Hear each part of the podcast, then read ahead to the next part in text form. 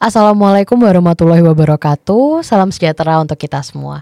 Nah halo semua penonton di mana pun kalian berada. Selamat datang nih di podcast 16 HAKTP 2022 Dan pada kesempatan ini kita akan mengangkat tema peringatan Hari Internasional untuk penghapusan perbudakan.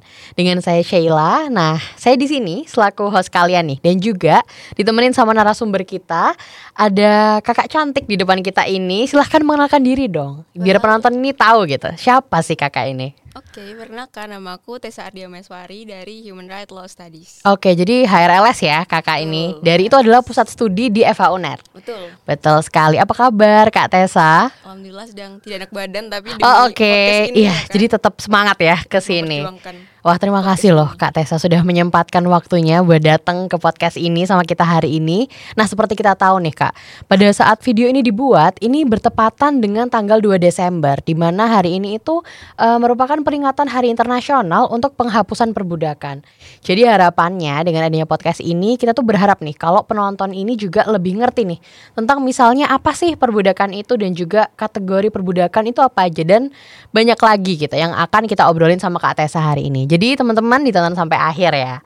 Oke, ini udah biar nggak lama-lama, pasti semuanya udah pada penasaran. Aku pengen tanya dulu nih, menurut Kak Tessa sendiri, apa sih sebenarnya yang dimaksud sama perbudakan dan uh, tindakan apa aja yang bisa dikategorikan sebagai perbudakan?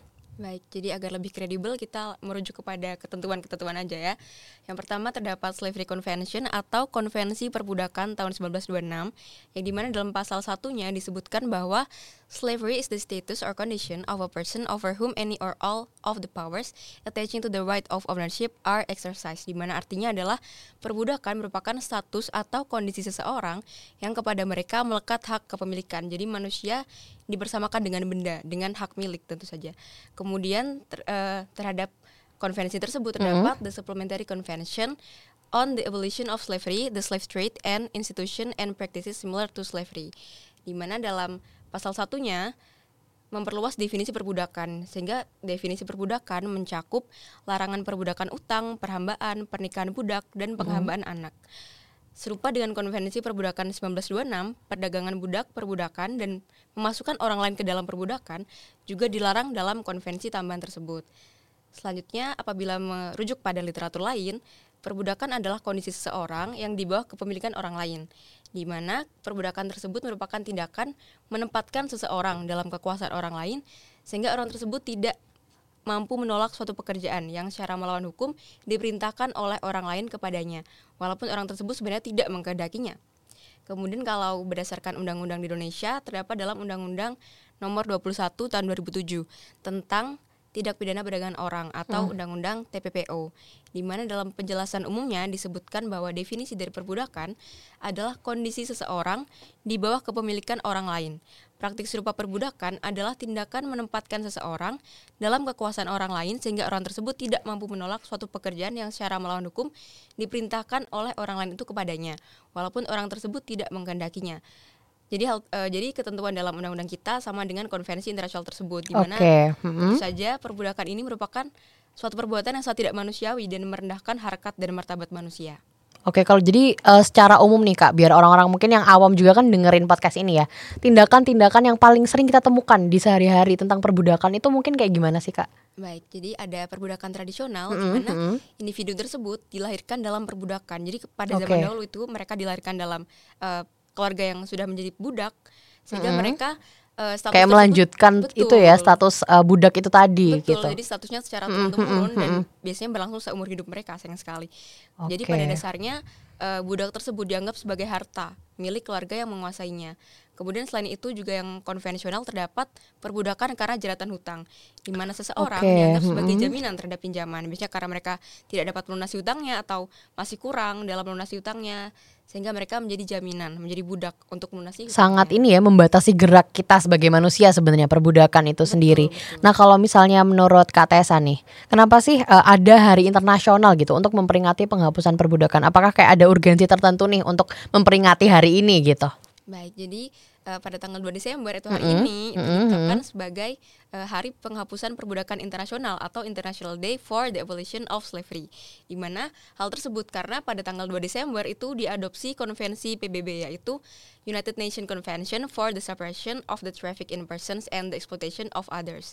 Dalam resolusi Majelis Umum PBB mm -hmm. nomor 317 angka 4 pada tahun 1949 di mana konvensi tersebut merupakan salah satu tonggak perjalanan dalam upaya memberikan perlindungan bagi korban, terutama bagi kelompok rentan seperti perempuan dan anak-anak atas kejahatan perdagangan manusia.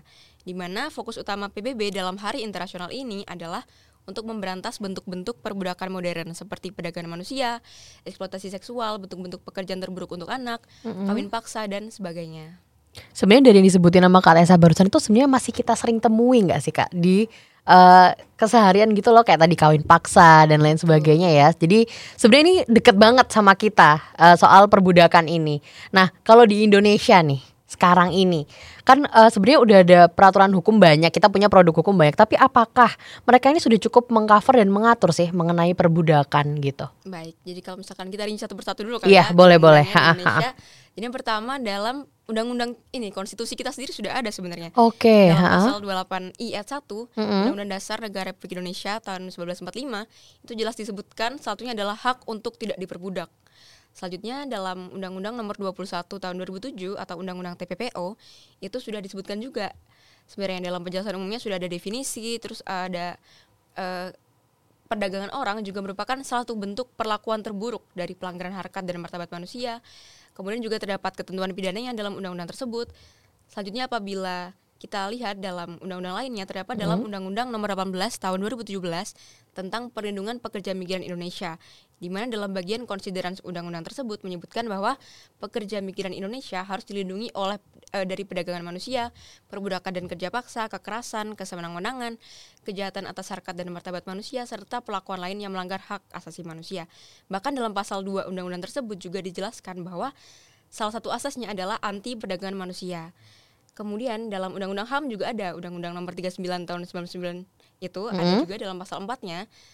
Salah satunya adalah hak untuk tidak diperbudak juga ada. Kemudian dalam pasal 20 jelas disebutkan bahwa tidak seorang pun boleh diperbudak atau diperhamba. Kemudian dalam ayat 2-nya disebutkan bahwa perbudakan atau perhambaan, perdagangan budak, perdagangan wanita dan segala perbuatan berupa apa pun yang tujuannya serupa adalah dilarang.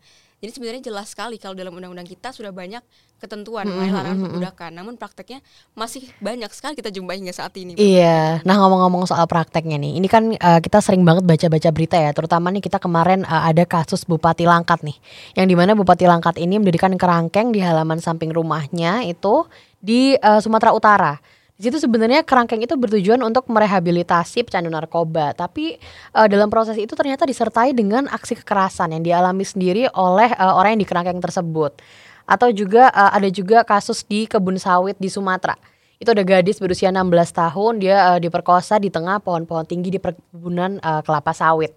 Dan juga dia tuh uh, diperkosanya oleh bosnya yang memasok beberapa merek kosmetik terkenal di dunia ada juga kisah tentang uh, orang Indonesia yang dia terjebak di perkebunan Malaysia dan di situ bosnya itu menyita paspornya dan akhirnya dia terpaksa sembunyi tuh dari para pihak berwenang dan tidur dengan alas hutan dan dia juga namanya di hutan ya pasti kan takut juga ada harimau ada binatang-binatang buas hmm. gitu dan dia di situ masih dipaksa juga untuk bekerja dan sampai-sampai dia ini mengatakan kalau uh, dia bukanlah orang yang bebas gitu ya dalam tanda kutip. Nah ini kalau misalnya dikaitkan dengan penghapusan perbudakan ini menurut Kak Tessa gimana? Nah itu, ini kasusnya sedang hangat nih. Iya iya, betul betul. Lagi kemarin saya baru dapat itu mm-hmm. dari Pak Franky direktur halal iya oh, Pak Franky dosen kita ya kebetulan. ha oke okay, tentang putusannya hanya tiga tahun untuk perbudakan. Oke okay. ha kenapa? Gitu padahal kan mereka agak ini ya agak ironi begitu ya, ya. betul. Padahal kan di situ jelas terdapat korban yang sampai meninggal ya. Mm-hmm, betul kenapa betul. Hanya putusannya hanya sampai hanya tiga tahun penjara mm-hmm. seperti itu. Jadi uh, kalau misalkan kita lihat dulu nih kronologinya itu kan Komnas HAM mendapatkan informasi adanya operasi tangkap tangan atau OTT KPK karena diduga Bupati Langkat nonaktif tersebut mm -hmm. uh, melakukan praktik suap gitu ya. Jadi okay. ketika digeledah ternyata terdapat kerangkeng, kerangkeng itu ya, ha, ha, itu kan. Dan ternyata kerangkeng tersebut katanya tidak memiliki izin. Jadi mereka okay. tidak memiliki, mm -hmm. tidak melengkapi prosedur secara administratif juga nggak ada.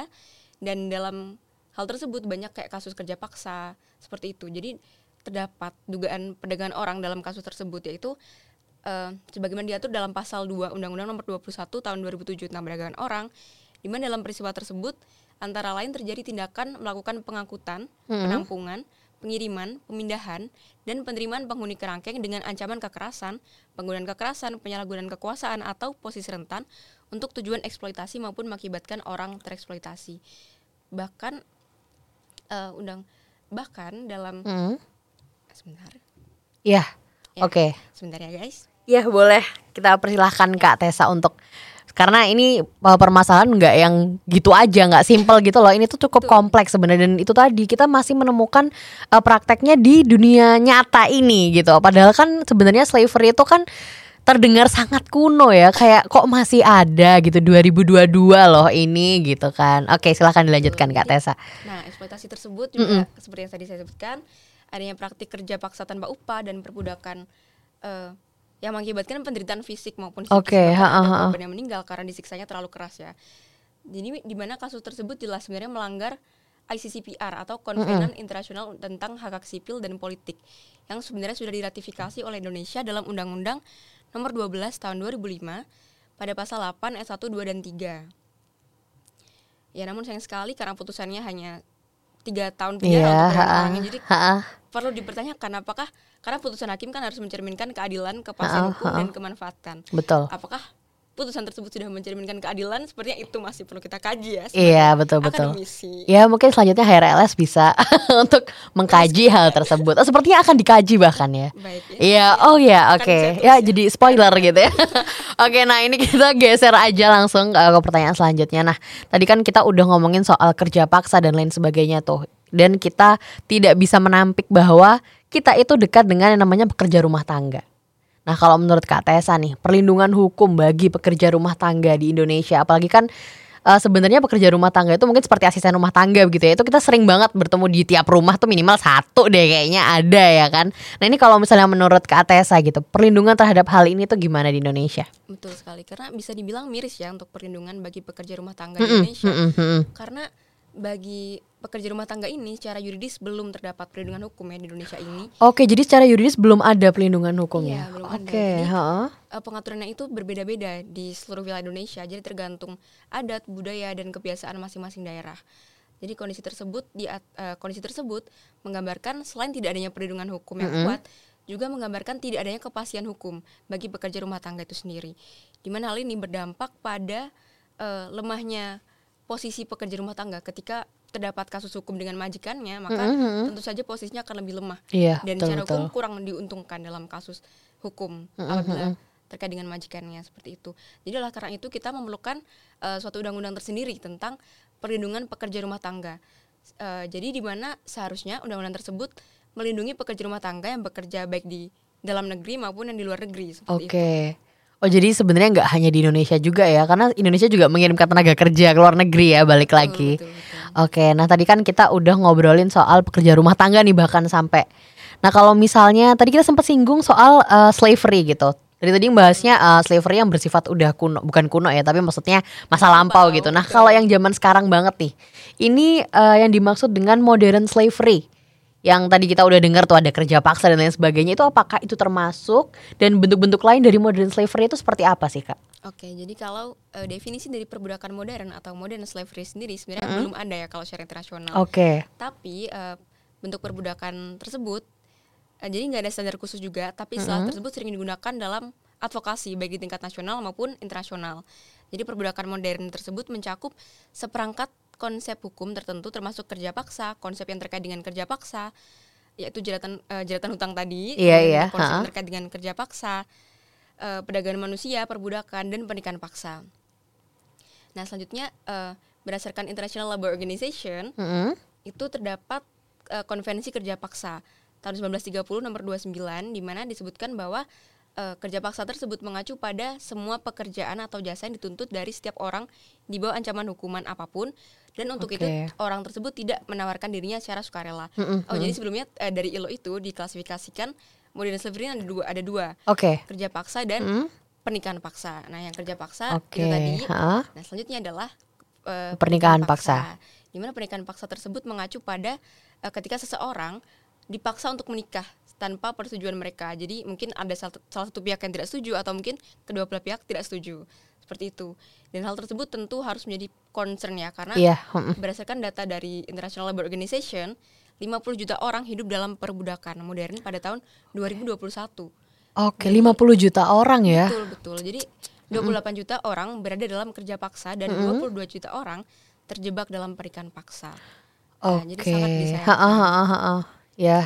Ya, baik. Selanjutnya ada lagi nih bentuk-bentuk okay. lainnya dari modern slavery itu adalah kerja paksa, terus penjualan anak dan bentuk-bentuk pekerjaan terburuk untuk anak.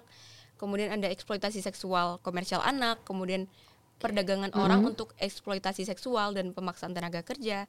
Ada perbudakan seksual, pernikahan paksa itu sendiri dan bentuk-bentuk perbudakan lainnya di mana karena sangat dinamis ya dunia ini jadi terdapat bentuk-bentuk perbudakan lain ini menurut United Nations. Nah, hal ini termasuk rekrutmen paksa tentara anak kan satu berbahaya seperti itu. Oke, okay, iya sih. Ini ini ya berarti sebenarnya ya namanya modern ya. Berarti emang yang terjadi sekarang gitu. Bahkan even pernikahan paksa yang mungkin terdengar sangat kayak zaman dulu banget tuh masih ada loh sekarang. di sampai sekarang ini bahkan 22 juta orang loh mengalami hal itu gitu di kehidupannya. Betul, betul. Baik, jadi ini sebenarnya perlu jadi apa ya? Uh, menjadi perhatian kita ya terkait uh, perbudakan itu sendiri dan itu menjadi urgensi. Kenapa sih kok uh, perbudakan ini ada hari internasionalnya gitu diperingati hari uh, internasional untuk penghapusan perbudakan. Nah, terakhir nih Kak.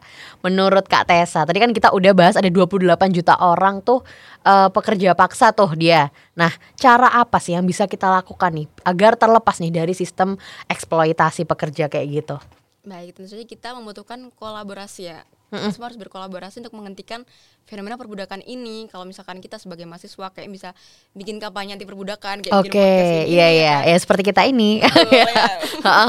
Mungkin dapat meningkatkan kesadaran masyarakat tentang perbudakan, terutama perbudakan modern yang sehingga saat ini masih eksis mm-hmm. kan. Kemudian juga mendorong masyarakat umum untuk mempertanyakan kebiasaan belanja mereka apakah dari company produk tersebut itu jelas menetapkan regulasi anti perbudakan kemudian juga uh, terhadap masyarakat itu perlu disadarkan sehingga apabila hmm. mereka menemukan potensi kejahatan perbudakan itu mereka dapat segera melaporkan kepada pihak yang berwajib. Oke. Okay. Nah, selain itu juga pemerintah juga seharusnya memiliki peran utama di mana mereka harus uh, jelas dalam menegakkan hukum terkait dengan perbudakan. Selanjutnya juga aparat penegak hukumnya dalam menegakkan hukum harus benar-benar bisa jadi eh, terkait dengan kasus bati langkat itu iya iya iya ya iya aparat penegak hukum justru terlibat dalam hal itu. Hal seperti iya iya betul betul.